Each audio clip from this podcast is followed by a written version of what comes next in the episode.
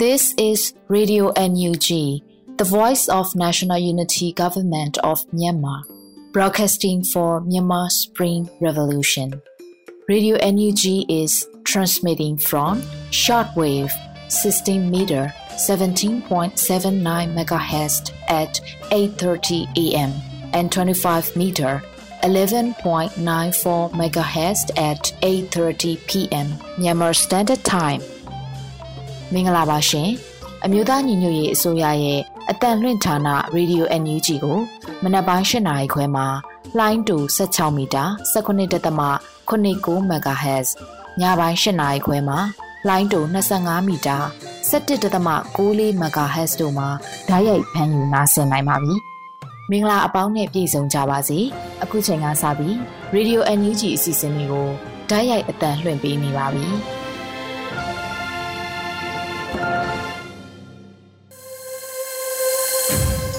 မြန်မာနိုင်ငံလူနိုင်ငံသားအပေါင်းတဘာဝပြီးစစ်အာဏာရှင်ပြီးတို့ကနေကင်းဝေးပြီးကိုစိတ်နှပါအေဂျင့်လုံခြုံကြပါစေလို့ Radio NUG ဖွဲ့သူဖွဲ့သားများကနှုတ်ခွန်းဆက်တာအပ်ပါတယ်ရှင်။ခုချိန်ကစပြီးပြည်ရင်းသတင်းများကိုຫນွေဦးမိုင်ကတင်ဆက်ပြီးမှာဖြစ်ပါတယ်ရှင်။မင်္ဂလာပါရှင်။အခုချိန်ကစပြီး Radio NUG ရဲ့နောက်ဆုံးရသတင်းချင်းချုပ်ကိုဖတ်ကြားပါတော့မယ်။ ဤသတင်းများကို Radio UNG သတင်းတောင်ခံများနဲ့ခိုင်လုံတဲ့မိဖက်သတင်းရင်းမြများစီမှအခြေခံတင်ပြထားခြင်းဖြစ်ပါရဲ့ရှင်။ကျမຫນွေဦးမိုင်ပါ။ပထမဆုံးအနေနဲ့မြန်မာအရေးမှာဒေါ်အောင်ဆန်းစုကြည်ဟာမပါမဖြစ်လို့အပ်သူလို့ဖိလစ်ပိုင်ကထုတ်ပြန်လိုက်တဲ့သတင်းကိုတင်ပြပေးပါမယ်။မြန်မာဒီမိုကရေစီပြန်လည်ဖော်ဆောင်ရေးဖြစ်စဉ်မှာဒေါ်အောင်ဆန်းစုကြည်ဟာမပါမဖြစ်လို့အပ်သူဖြစ်ကြောင်းဖိလစ်ပိုင်နိုင်ငံခြားရေးဝန်ကြီး ကျိုဒိုရိုလက်ဆင်ကပြောကြားလိုက်ပါတယ်။ကမ္ဘောဒီးယားဝန်ကြီးချုပ်ဟွန်ဆာရဲ့မြန်မာနိုင်ငံခရီးစဉ်ပြီးလှုပ်ခတ်လာနေတဲ့မြန်မာအရေးနဲ့ပတ်သက်လို့ဇန်နဝါရီလ16ရက်နေ့ကကြေညာချက်ထုတ်ပြန်ရမှာသူကအဲ့လိုထည့်သွင်းပြောကြားလိုက်တာပါ။သူ့ရဲ့ထုတ်ပြန်ချက်မှာအာဆီယံအလှည့်ကျဥက္ကဋ္ဌကမ္ဘောဒီးယားဝန်ကြီးချုပ်ဟွန်ဆာရဲ့မြန်မာနိုင်ငံခရီးစဉ်တိုးတက်ဖြစ်ထွန်းမှုတွေကိုကြိုဆိုလိုက်တယ်လို့တိုင်းရင်းသားလက်နက်ကိုင် EAO တွေနဲ့ အပြည့်ရဲ့ဆွေးနွေးမှုတွေမှာအာဆီယံအထူးကိုယ်စားလှယ်ပါဝင်လာတဲ့အပေါ်လဲကြိုဆိုလိုက်ပါတယ်။ဒါပေမဲ့အဲ့ဒီဆွေးနွေးမှုတွေဟာလက်ရွေးစင်လိုတစုတာမဟုတ်ပဲအားလုံးပါဝင်နိုင်ဖို့နဲ့အထူးသဖြင့်ဒေါ်အောင်ဆန်းစုကြည်မဖြစ်မနေပါဝင်ဖို့လိုအပ်တယ်လို့လဲဖိလစ်ပိုင်နိုင်ငံခြားရေးဝန်ကြီးကပြောပါတယ်။ပြီးခဲ့တဲ့အပတ်ကဒေါ်အောင်ဆန်းစုကြည်ကိုစစ်ကောင်စီကထောင်နှံတွေထပ်မံချမှတ်ခဲ့တဲ့အပေါ်ဖိလစ်ပိုင်နိုင်ငံခြားရေးဝန်ကြီးက ပြစ်တင်ရှုတ်ချလိုက်ပြီးဒီမိုကရေစီပြန်လည်ဖော်ဆောင်ရေးမှာဒေါ်အောင်ဆန်းစုကြည်ပါဝင်တဲ့အတွက်တိုင်းပြည်ပြိုကွဲမဲ့အရေးနဲ့ပြည်တွင်းဆက်ဖြစ်မဲ့အရေးကိုစိုးရိမ်စရာပါအကြောင်းမှမရှိဘူးလို့လဲဆိုပါတယ်။သူ့အနေနဲ့မြန်မာအရေးအာဆီယံဘုံသဘောတူညီချက်9ရက်ဖော်ဆောင်ရေးတိုးတက်မှုရှိဖို့နဲ့သက်ဆိုင်သူအားလုံးအထူးသဖြင့်ဒေါ်အောင်ဆန်းစုကြည်ပါဝင်တဲ့တွဲဆုံဆွေးနွေးမှုတွေပေါ်ပေါက်လာအောင်တွန်းအားပေးသွားမယ်လို့လည်းပြောပါတယ်။ဒါအပြင်မြန်မာပြည်သူတွေရဲ့ဒုက္ခတွေ ရော့ပါလာရေးအတွက်လာမယ့်ရက်သက်တပတ်အတွင်းတခြားအာဆီယံခေါင်းဆောင်တွေနဲ့အတူလက်တွဲကြိုးပမ်းသွားမယ်လို့လည်းပြောဆိုထားပါတယ်ရှင်။အခုဆက်လက်ပြီး NUG ၏ကိုယ်စားလှယ်ယုံဂျာမနီနိုင်ငံမှာဖွင့်လှစ်ရန်စီစဉ်မိဟု NUG နိုင်ငံခြားရေးဝန်ကြီးကပြောကြားလိုက်တဲ့သတင်းကိုတင်ပြပေးပါမယ်။ဂျာမနီနိုင်ငံရောက်မြန်မာနွေဖွားတော်လိုင်းရင်အင်အားစုတွေဟာ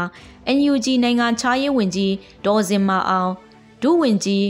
ဦးမိုးစောအိုးတို့နဲ့ ဇန်နဝါရီလ16ရက်နေ့ညနေ4နာရီခွဲကနေ9နာရီခွဲအချိန်တွင်အွန်လိုင်းမီတင်ကတဆင့်တွေ့ဆုံဆွေးနွေးခဲ့ကြတယ်လို့သိရပါဗျ။ NUG နိုင်ငံခြားရေးဝန်ကြီးတွေကတက်ရောက်လာကြသူတွေရဲ့မိခွန်းတွေကိုစစ်ဆက်သေးချစွာအချိန်ပေးဖြေချခဲ့ကြပါတယ်။ဝန်ကြီးနှုတ်ရဲ့ပြောကြားချက်ထဲမှာဂျာမနီနိုင်ငံလိုမျိုးဒီမိုကရေစီအားကောင်းတဲ့ဥရောပသမဂ္ဂအတွင်းကအရေးပါတဲ့နိုင်ငံတစ်ခုခုမှာအမျိုးသားညီညွတ်ရေးအစိုးရ NUG ရဲ့ကိုယ်စားလှယ်ထားရှိဖို့နဲ့ ကိုယ်စားလှယ်ယုံထားရှိဖို့လိုအပ်ကြောင်းရှိလဲရှိသင့်နေပြီဖြစ်ကြောင်းကိုယ်စားလှယ်ရွေးချယ်ခန့်ထားရမှာနိုင်ငံခြားရေးဝန်ကြီးဌာနရဲ့အရေးအချင်းသတ်မှတ်ချက်မူဝါဒအတွင်းမှာရွေးချယ်ခန့်အပ်သွားမှာဖြစ်ကြောင်းခန့်အပ်ပြီးတဲ့ကိုယ်စားလှယ်တွေကိုလည်းဝိုင်းဝန်းကူညီပေးချဖို့အသိပေးမှာကြားခဲ့ပါတယ်။ဒါ့အပြင်လက်ရှိမြန်မာຫນွေဦးတော်လှန်ရေးမှာ NUG မှဆောင်ရွက်နေတဲ့တန်တမာရေးရာကိစ္စရပ်တွေလက်ရှိဆောင်ရွက်နေတဲ့ကိစ္စရပ်တွေနဲ့ ဆက်လက်ဆောင်ရွက်ကြမယ့်ကိစ္စရပ်တွေကိုစိတ်ဆက်သေးချစွာရှင်းလင်းပြောကြားသွားခဲ့ကြပါတယ်။အဆိုပါအွန်လိုင်းတွေ့ဆုံပွဲကို CRPH NUG Support Team Germany Deutschland တွဲဖက်အစီအစဉ်မှုအဖြစ် German Solidarity with Myanmar Democracy EV မှမငင်းချမ်းမင်း Burma Bureau Rohingya Community နဲ့ For Federal Myanmar Berlin တို့မှကိုယ်စားလှယ်တွေနဲ့တော်လှန်ရေးအင်အားစုတွေပညာတော်တင်ရောက်ရှိနေကြသူတွေတက်ရောက်ခဲ့ကြတယ်လို့သိရှိရပါတယ်ရှင်။ ဆက်လက်ပြီး Set Myanmar USA က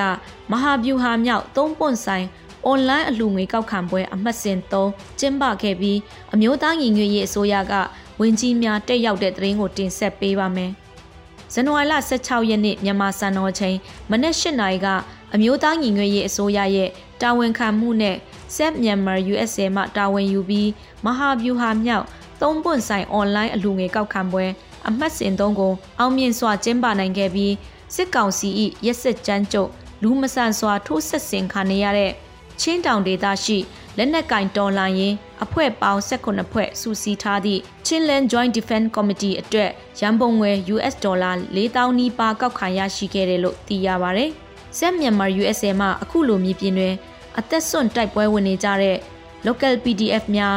၎င်း local PDF များဟာຫນွေဦးတော်လှန်ရေးအောင်နိုင်ရေးအတွက်အရေးကြီးကြောင်းပံ့ပိုးကူညီရမှာဖြစ်ကြောင်းနဲ့ တာဝန်ခံပူးပေါင်းပါဝင်ပေးတဲ့အမျိုးသားညီညွတ်ရေးဆိုရမှပြည်ထောင်စုဝင်ကြီးတွေနဲ့ຫນွေဦးတော်လှန်ရေးအစမှသည်အဆုံးရောက်တဲ့အထိအစွမ်းကုန်ကူညီသွားမည်ဟုတာနိဋ္ဌာန်ချကူညီပေးနေတဲ့ပြည်တွင်းပြည်ပမှအလူရှင်တွေပါဝင်တဲ့သုံးပွင့်ဆိုင်မဟာမြူဟာမြောက်အွန်လိုင်းအလူငွေကောက်ခံမှုတွေကိုနိုဝင်ဘာလကုန်နောက်ဆုံးပတ်မှ စတင်ကျင်းပခဲ့တဲ့ပွဲပေါင်း၃ပွဲမှာစုစုပေါင်းအလူငွေ US ဒေါ်လာ3,200နီးပါးကောက်ခံရရှိခဲ့ပြီးလှူဒါန်းနေပြီဖြစ်ကြောင်းနဲ့ဆက်လက်၍လည်းကောက်ခံပြီးမဟာဗျူဟာမြောက်လိုအပ်လက်ရှိတဲ့ဒေတာတွင် PDF တွေကိုဆက်လက်ပံ့ပိုးသွားမည်ဖြစ်ကြောင်းသိရပါတယ်ရှင်။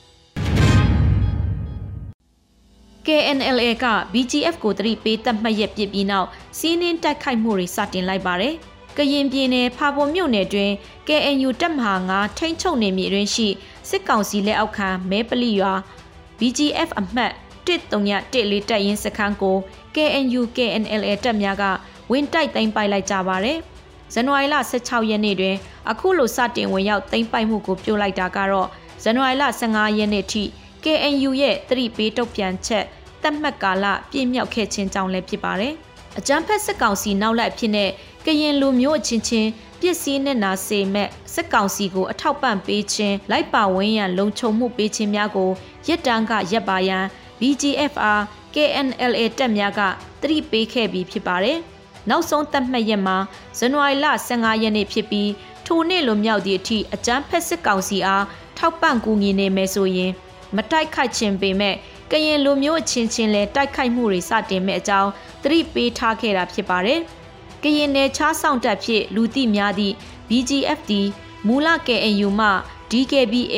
ထို့နောက်မှတဆင့်အာနာရှင်နောက်လိုက်ဖြင့်နယ်ခြားဆောင်တပ်ဟုအသွင်ပြောင်းရက်တီခဲ့ခြင်းဖြစ်ပြီးအာနာသိမ့်ပြီးနောက်ပိုင်းမှစတင်ကကရင်လူမျိုးတို့၏မုံတီးချင်းကိုခံနေရသောအဖွဲ့အစည်းဖြစ်ပါတယ်။ဇန်နဝါရီလ16ရက်နေ့တိုက်ခိုက်စီးနှင်းမှုနဲ့ပတ်သက်ပြီးအစတုန်းကတော့ကိုလိုမျိုးပေါ့နော်။တစ်ဖက်အနေနဲ့ ဘလို့ပဲဖြစ်ဖြစ်ရှောင်တော့ရှောင်တယ်ဒါပေမဲ့အခုတော့ရန်သူလိုပဲသဘောထားတဲ့သဘောပဲပေါ့အဓိကတော့စစ်ကောင်စီနဲ့ပူးပေါင်းဆောင်ရွက်လို့ပေါ့ဟု KNU သတင်းရင်းမြစ်ကပြောပါတယ်တိုက်ပွဲသတင်းအတီးပြုတ်နိုင်ခဲ့ပြီးနောက်အဆိုပါ BGF တပ်ဖွဲ့များရဲ့မိကလိအခြေဆိုင်စခန်းကို KNLA ကတင်ပိုက်နိုင်ခဲ့ကြောင်းသိရပါတယ်။ KNLA ရဲ့တပ်ရင်းတရားနှစ်တက်ခွဲလေးအဖွဲ့မှဥဆောင်တိုက်ခိုက်ခဲ့တာဖြစ်ပြီးစခန်းကိုတင်ပိုက်ခဲ့ပြီးနောက်စကားအတွင်းရှိတဲတွေကိုလည်း မိရှုဖြစ်စည်းခဲ့တယ်လို့ KNLA တပ်မှုနဲ့နီးစပ်သူတို့ကပြောပါတယ်။ BGF တပ်ဖွဲ့ဝင်တဦးကိုအရှင်ဖမ်းဆီးရမိတယ်။ထိခိုက်သေးဆုံးမှုနဲ့တင်စီရမိတဲ့ပစ္စည်းနဲ့ပတ်သက်ပြီးအသေးစိတ်မသိရသေးဘူး။ KNLA တပ်ဖွဲ့ဘက်တော့နှစ်ဦးတန်ရာရတယ်လို့ပြောပါတယ်။တိုက်ပွဲအခြေအနေအသေးစိတ်ကိုတော့ထုတ်ပြန်ခြင်းမရှိသေးပါဘူး။ တပ်မဟာ9နယ်မြေကိုစစ်ကောင်စီတပ်များသည် BGF အကူအညီဖြင့်ဝင်ရောက်ကျူးကျော်မှုကိုတုံ့ပြန်ရမှာ KNLA နဲ့ KNDO တပ်များကခုခံတော်လှန်နေကြတာပါအခုလဝက်အတွင်းမှာစစ်ကောင်စီတပ်များ90ကျော်တဲဆုံးခဲ့ပြီး40ကျော်ဒဏ်ရာရခဲ့တယ်လို့ KAU တပ်မဟာ9ကသတင်းထုတ်ပြန်ထားတာတွေ့ရပါတယ်။ KNLA တပ်များရဲ့တိုက်ခိုက်စီးနှင်းမှုကိုခံရတဲ့မဲပလီရွာတပ်စခန်းဒီ BGF အမှတ်139တက်လေးတက်ရင်းမှဘိုးမောင်ချစ်လက်အောက်ခံတပ်စခန်းဖြစ်ကြောင်းသိရပါတယ်ရှင်။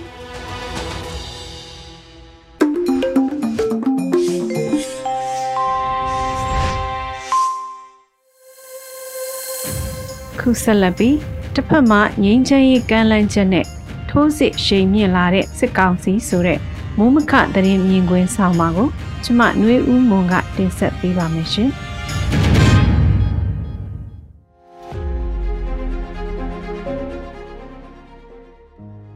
တစ်ဖက်မှာငိမ့်ချမ်းရေးကမ်းလှမ်းချက်နဲ့ထိုးစစ်ရှိန်မြင့်လာတဲ့စစ်ကောင်စီစစ်ကောင်စီဥက္ကဋ္ဌမင်းအောင်လှိုင်ကကမ္ဘောဒီးယားဝန်ကြီးချုပ်လာတဲ့ခရီးစဉ်အတွင်းစစ်ကောင်စီဘက်ကတိုင်းသားလက်နက်ကိုင်းတွေပေါ်ထိုးစစ်မပြုလုပ်ဖို့တစ်ဖက်သက်ပြည့်ရတာကိုဖေဖော်ဝါရီလကုန်ထိကြေညာထားပြီးအဆိုပါကြေညာချက်ကိုနှစ်ကုန်အထိတက်တန်းတိုးမယ်လို့ခရီးစဉ်အတွင်းထုတ်ပြန်ချက်မှာဖော်ပြထားပါတယ်။လာလူပဲကရားပြည်နယ်နေ့အခမ်းအနားတဝန်လွှာမှာလည်း တိုင်းသားလက်နက်ကိုင်းတပ်ဖွဲ့တွေကိုငင်းငယ်ရေးကမ်းလှမ်းတဲ့သတင်းစကားဖော်ပြထားပါတယ်။အဲဒီလိုသာတဝန်လွှာတွေနိုင်ငံခြားကိုယ်စားလှယ်တွေကိုပြောနေပေမဲ့မြေပြင်မှာတကယ်ဖြစ်ပျက်နေတာကအင်အားတိုးပြီး PDF ရှင်းလင်းရေးတွေကိုတိုးမြင့်လှုပ်ဆောင်နေတာဖြစ်ပါတယ်။လက်တလုံးခရားပြည်နယ်လိုင်းကုံမြို့နယ်ဒီမော့ဆိုတဝိုင်မှာတိုက်ပွဲတွေနေ့စဉ်ရက်ဆက်ဆိုသလိုဖြစ်ပွားနေတာလေကြောင်းအကူအညီယူပြီးပြစ်တာကျဲတာတွေလုပ်နေတာဖြစ်တယ်လို့ချင်းပြည်နယ်မှာလည်း မင်းတက်ကနေမတူပြီးဘက်ကိုတက်တွေတက်သွားပြီးတိုက်ပွဲတွေဖြစ်နေတယ်လို့ကလေးကတဆင့်ဖလန်းမြို့နယ်နဲ့တိတိမ်မြို့နယ်ဘက်ကိုလည်းတက်တွေတက်သွားကတိုက်ပွဲဖြစ်နေအိမ်တွေမီးရှို့နေတာတွေဖြစ်နေတာဖြစ်ပါတယ်။ချင်းနဲ့ကရားပြည်နယ်တွေမှာကပဲသခိုင်းတိုင်းအထက်ပိုင်းနဲ့ကရင်ပြည်နယ်တွေမှာလည်းစစ်ရှိန်မြင့်တက်နေတာဖြစ်ပါတယ်။ကရင်ပြည်နယ်၄ကီကောမှာအခင်လလေကလေးကတိုက်ပွဲတွေဖြစ်ပွားခဲ့ရကအခုချိန်ထိ အဲ့ဒီဒေသကခြေရွာတွေမှာတက်ဆွဲထားဆဲဖြစ်ပြီး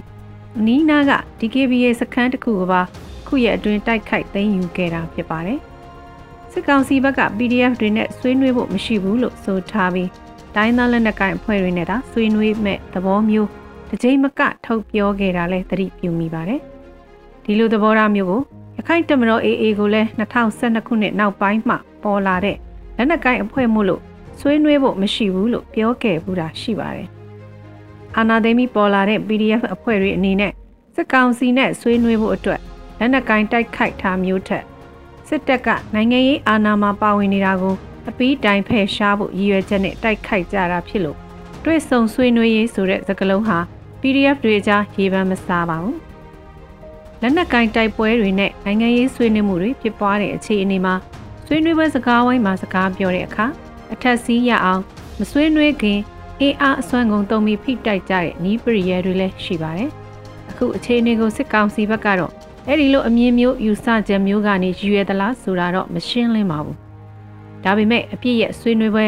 ငြိမ်းချမ်းရေးဆွေးနွေးပွဲဆိုတာတွေကမြန်မာနိုင်ငံမှာအခုလုံးလုံးစေရေးပန်းမစတာအမှန်ပဲဖြစ်ပါတယ်။လက်နက်ကိုင်းအင်အားအများအပြားကအပီးတိုင်ဖယ်ရှားမယ်ခြေမုံမယ်ဆိုတာမျိုးလူငယ်တို့ကစစ်တပ်ကို နိုင်ငံရေးကနေအပီးတိုင်ဖယ်ရှားမယ်ဆိုတဲ့ကြွေးကြော်သံဤမှန်းချက်နဲ့ပြောဆိုစုဖွဲ့နေကြတဲ့အခြေအနေမှာဒိုင်းသားလက်နက်ကိုင်းအဖွဲ့အချို့နဲ့ NUG ကောင်းဆောင်တွေအနေနဲ့စိတ်ဆက်ဆွေးနွေးရေးဆိုတဲ့စကားလုံးကိုမတုံ့နှုံပဲအဲ့ဒီလမ်းကြောင်းကိုလောလောဆယ်ပယ်ချထားတဲ့သဘောလို့ခံမှန်းရပါတယ်။လက်နက်ကိုင်းအဖွဲ့တွေအချင်းချင်းဆွေးနွေးကြတဲ့အပြည့်ရရေးငြိမ်းချမ်းရေးဆွေးနွေးမှုမျိုးမှာအင်အားကြီးသူကအသာစီးနဲ့ဆွေးနွေးလိရှိတာမို့အထက်ကနီးပရိယေက ပုံသိန်းဤတရလိုဖြစ်နေတယ်လို့ဆိုနိုင်ပါတယ်မြန်မာနိုင်ငံရဲ့လက်နက်ကိုင်းပြိပက္ခတွေကဘယ်လိုရလက်ထွက်မလဲဆိုတာခံမှန်းဖို့ခက်ခဲနေအောင်မှဖြစ်ပြီးအဖြူအမဲဗတ်နှစ်ဖက်ဆိုတာထက်တိုင်းသားလူမျိုးစုတွေသူတို့ရဲ့လက်နက်ကိုင်းတပ်ဖွဲ့တွေရဲ့အင်အားနဲ့လှုပ်ရှားနိုင်မှုရှုမြင်ချက်တွေကလည်းအရေးပါလိမ့်မယ်ထင်မြင်မိပါတယ်တိုက်ပွဲတွေနဲ့ဟန်ဆောင်ထားတဲ့ငင်းငယ်စကလုံးတွေအကြောင်းပြင်ဒီနေ့သတင်းတွေထဲမှာတော့ရန်ကုန်မြို့မှာထူးကုမ္ပဏီပိုင်းတက်စီဆိုင်ကို ရန်ကုန်မြို့ပြ PDF အဖွဲ့တစ်ဖွဲ့ကဘုံခွဲခဲ့ပြီးမီးလောင်ပျက်စီးခဲ့တဲ့သတင်းဖြစ်ပါတယ်။2010ခုနှစ်အထိအုပ်ချုပ်ခဲ့တဲ့စစ်အစိုးရလက်ထက်ကအခွင့်အရေးပေးခံရပြီးစစ်ကောင်းဆောင်တွေနဲ့စီးပွားဘက်ဖြစ်ခဲ့တဲ့ဥဒေဇပိုင်နဲ့ထူးကုမ္ပဏီရဲ့ဓာတ်စီဆိုင်ကိုပြစ်မှတ်ထားပြီးဖောက်ခွဲခဲ့တဲ့သဘောလို့ယူဆရပါတယ်။2010နောက်ပိုင်းမှာတော့ထူးကုမ္ပဏီဟာရင်ကာလတွေလို့လုပ်ငန်းတိုးချဲ့တာတွေမရှိတော့ဘဲ2015နောက်ပိုင်း ရှင်းဆွဲလုပ်ငန်းတွေအပြင်ထပ်မံတိုးချက်လုပ်ကိုင်တာလုံးဝမရှိတော့တဲ့လောက်ဖြစ်လာခဲ့တာတွေ့ရပါတယ်။ခရိုနီလို့သတင်းမီဒီယာနဲ့လူထုတွေကခေါ်ဆိုကြတဲ့အာဏာရသူတွေနဲ့နှီးစပ်တဲ့ကုမ္ပဏီတွေဟာလည်းစစ်ကောင်စီစန့်ကျင်ရေးလက်နက်ကင်တိုက်ပွဲမှာပြစ်မှတ်ဖြစ်လာတဲ့သဘောလို့ယူဆရပါတယ်ရှင်။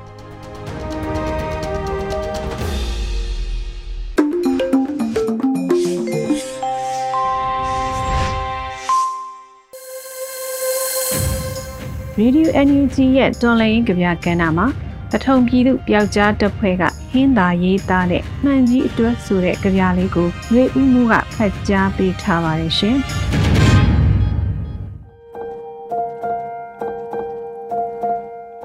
မင်္ဂလာပါခင်ဗျာစစ်မှန်သောဒီမိုကရေစီရရှိရေးအတွက် KNU KNLA တက်ခွဲတစ်ခုတွင်တာဝန်ထမ်းဆောင်တိုက်ပွဲဝင်ရင်24ရက်12လ2021နှစ်တွင် အကြမ်းဖက်စစ်ကောင်စီ၏ဖမ်းဆီးတပ်ဖြတ်ခြင်းကိုခံရ၍29ရက်12လ2021နှစ်တွင်တကြိုခဲ့သောတထုံပြည်သူပျောက်ကြားတပ်ဖွဲ့တထုံ People's Guerrillas TPG မှမှန်ကြီးအတွက်ကြပြဆရာဟင်းတာမှဂုံပြုတ်ရေးဆက်ထားတဲ့မှန်ကြီးအတွက်ကြပြကိုရွတ်ဖတ်သွားမှာဖြစ်ပါတယ်။မှန်ကြီးအတွက်ကြပြမှန်ကြီးတဲ့ရှင်းလိုက်တဲ့နာမည်ရိုးလိုက်တဲ့နာမည် လှလိုက်တဲ့နာမည်ခမ်းနားလိုက်တဲ့နာမည်ငငယ်ကမှန်ဝိုင်းလေးနဲ့တူလို့မင်းအမေကချစ်စနိုးနဲ့ခေါ်ခဲ့သလားမှန်ကြိုက်လွန်းလို့ညီအကိုမောင်နှမဆွေမျိုးတွေကကြည်စဲကင်မောတက်ခဲ့ကြသလားမှန်တာတွေပြောမှန်တာတွေလုပ်မှန်တဲ့ဘက်မှာရက်လွန်းလို့တငယ်ချင်းတွေကဂုံပြုတ်ပေးခဲ့ကြသလားမင်းမသိမှာ မင်းဘယ်မျိုးကဘာလုပ်လို့အသက်ဘလောက်ရုပ်ရည်ဘလို့နေဘယ်လမ်းကြောင်းကထွက်လို့ဘယ်အဖွဲ့နဲ့ပေါင်းပြီးဘယ်နေရာမှာဘလို့တော်လန်ခဲ့တယ်လဲငါမသိခဲ့ပါမင်းကြဆုံးမမင်းဇာပနာကိုတယ်လီဖုန်းမှန်သားပြင်မှာငါမြင်ရတေချာတာကမင်းဟာအမှန်တရားရဲ့ဘတ်တော်သားအဲ့ဒါငါသိတာဘာပဲဖြစ်ဖြစ်မှန်ကြီးဟာမင်းမအဖေအမေရှိမှာ ညီအကိုမောင်နှမတွေရှိမှာဆရာတွေဆွေမျိုးသားချင်းတွေရှိမှာချစ်သူရှိမှာတငယ်ချင်းမိတ်ဆွေတွေရှိမှာမင်းကိုချစ်ခင်သူမင်းကချစ်ခင်သူမင်းကိုလိုအပ်သူမင်းကလိုအပ်သူများခုတော့မင်းစာပနာမှာတမဲ့ခံတာတော့သူတို့မြင်ခွင့်မရရှာမင်းနဲ့ယုံကြည်ချက်တူရင်ပတ်တူ အမှန်တရားကိုချစ်မြတ်နိုးသူသွေးတောက်ညီအကိုမှန်ကြီးတွေမှန်လေးတွေတော့မင်းပတ်လည်မှာငါတွေ့တဲ့ကွယ်လူအဖြစ်ကအစ်စ်နှိမ့်သွားတဲ့မိစ္ဆာတွေဟာဓားကိုဓားခြင်းလှန်ကိုလှန်ခြင်းကြည်စံကိုကြည်စံခြင်းပြောတဲ့ဘာသာစကားကိုသာ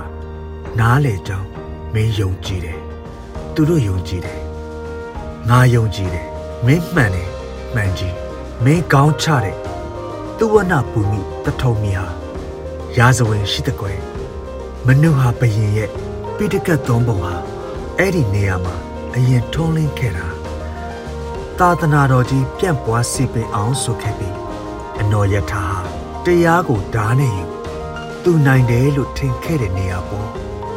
သူ့ရင်သူ့မြေသူ့ဆွေတော်သူ့သစ္စာခံသူ့တရား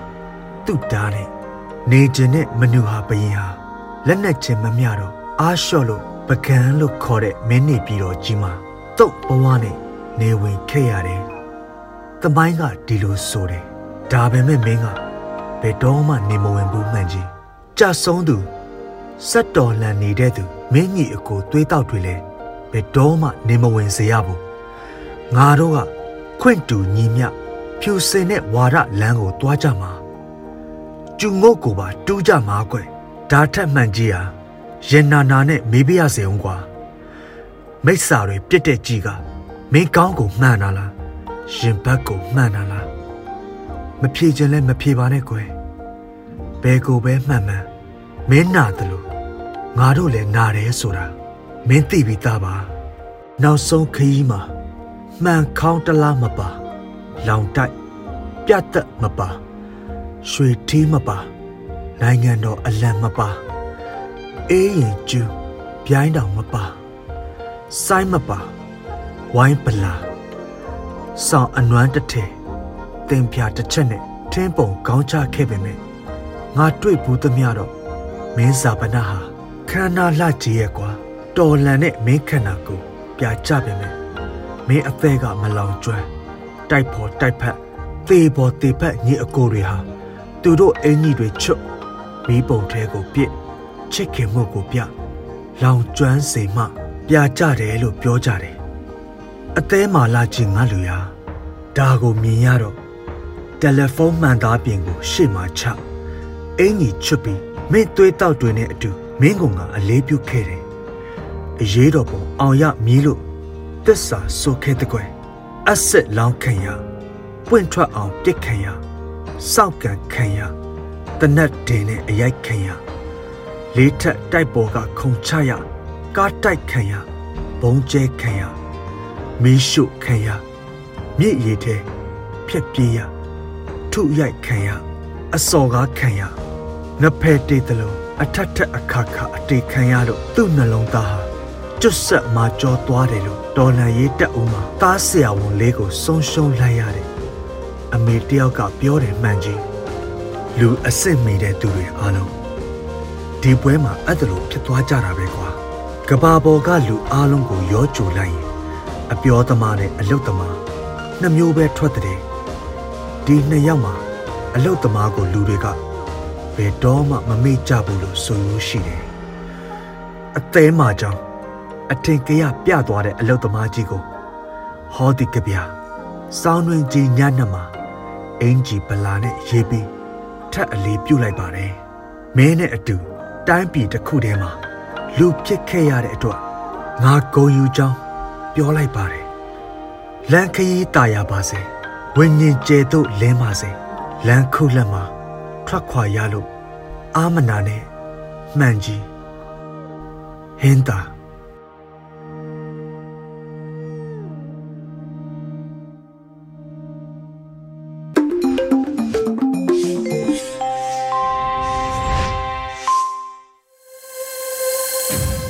ရေဒီယို NUG ကိုနားဆင်နေကြရတာပါရှင်ခုဆက်လက်ပြီးပြည်ရင်းပြည်ပမိုးလေဝသပညာရှင်များရဲ့ဒီပညာပတ်မွန်မှုနဲ့မြို့သားညီညွတ်ရေးအစိုးရလူသားချင်းစာနာထောက်ထားရေးနဲ့ပြည်ရင်းရဲ့ဆိုင်ရာစီမံခန့်ခွဲရေးဝန်ကြီးဌာနကပတ်စဉ်ပုံမှန်ထုတ်ပြန်လျက်ရှိတဲ့ရက်သက်တစ်ပတ်မိုးလေဝသခံမှန်းချက်များကိုအေရီကတင်ပြပေးမှာပဲဖြစ်ပါတယ်ရှင်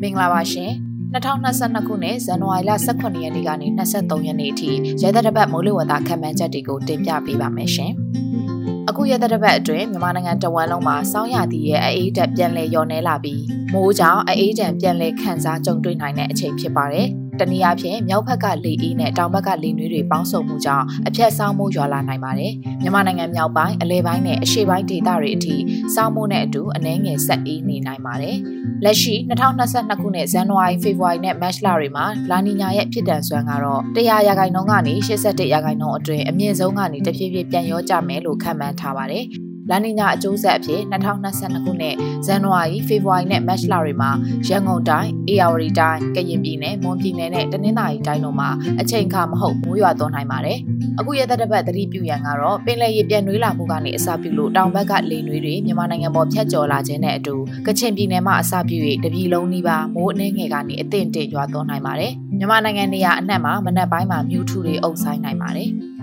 ဇန်နဝါရီလ18ရက်နေ့အတွက်မိုးလေဝသခန့်မှန်းချက်ကတော့မြန်မာနိုင်ငံအထက်ပိုင်းနဲ့အလယ်ပိုင်းတို့မှာမြောက်လေတွေနဲ့အရှေ့တောင်လေတွေအားပြိုင်တိုက်ခတ်နိုင်ပါတယ်။မိုးချေနေကတော့တပြည်လုံးမှာနေရာကွက်ကြားမိုးအနှဲငယ်ဆက်လက်ရွာသွန်းနိုင်ပါတယ်။မြန်မာနိုင်ငံအထက်ပိုင်းနဲ့အရှေ့ပိုင်းဒေသတွေမှာညအပူချိန်တွေလျော့နေလာနိုင်ပြီးဆက်လက်အေးနေပါမယ်။မြမပင်လယ်ပြင်မှာအရှေ့ဘက်ကလေဟာတနအီကို9မိုင်ကနေ10မိုင်အထိတိုက်ခတ်နိုင်ပြီးလှိုင်းအနှဲငယ်ရှိနိုင်ပါတယ်။ ဇန်နဝါရီလ16ရက်နေ့အတွက်ခံမှန်းချက်ကတော့မြန်မာနိုင်ငံအထက်ပိုင်းနဲ့အလဲပိုင်းတို့မှာမြောက်လေတွေနဲ့အရှေ့တောင်လေတွေအားပြိုင်တိုက်ခတ်နိုင်ပါတယ်။မိုးအခြေအနေကချင်းပြည်နယ်နဲ့ရှမ်းပြည်နယ်မြောက်ပိုင်းတို့မှာနေရာကွက်ကြားမိုးနှင်းငယ်ဆက်လက်ရွာသွန်းနိုင်တာကလွဲလို့ကြံတပြည်လုံးမှာတာယာနေပါမယ်။မြန်မာနိုင်ငံအထက်ပိုင်းနဲ့အရှေ့ပိုင်းဒေသတွေမှာညအပူချိန်တွေရောကြလာနိုင်ပြီးဆက်လက်အေးနေပါမယ်။စကိုင်းတိုင်းချင်းပြည်နယ်မန္တလေးတိုင်းမကွေးတိုင်းနဲ့ကယားပြည်နယ်တို့မှာမနက်ပိုင်းမြူထူတွေကျဆင်းနိုင်ပါတယ်မြမပင်လယ်ပြင်မှာအရှိဘက်ကလေဟာတနအီကို9မိုင်ကနေ10မိုင်ထိတိုက်ခတ်နိုင်ပြီးလှိုင်းအနှဲငယ်ရှိနိုင်ပါတယ်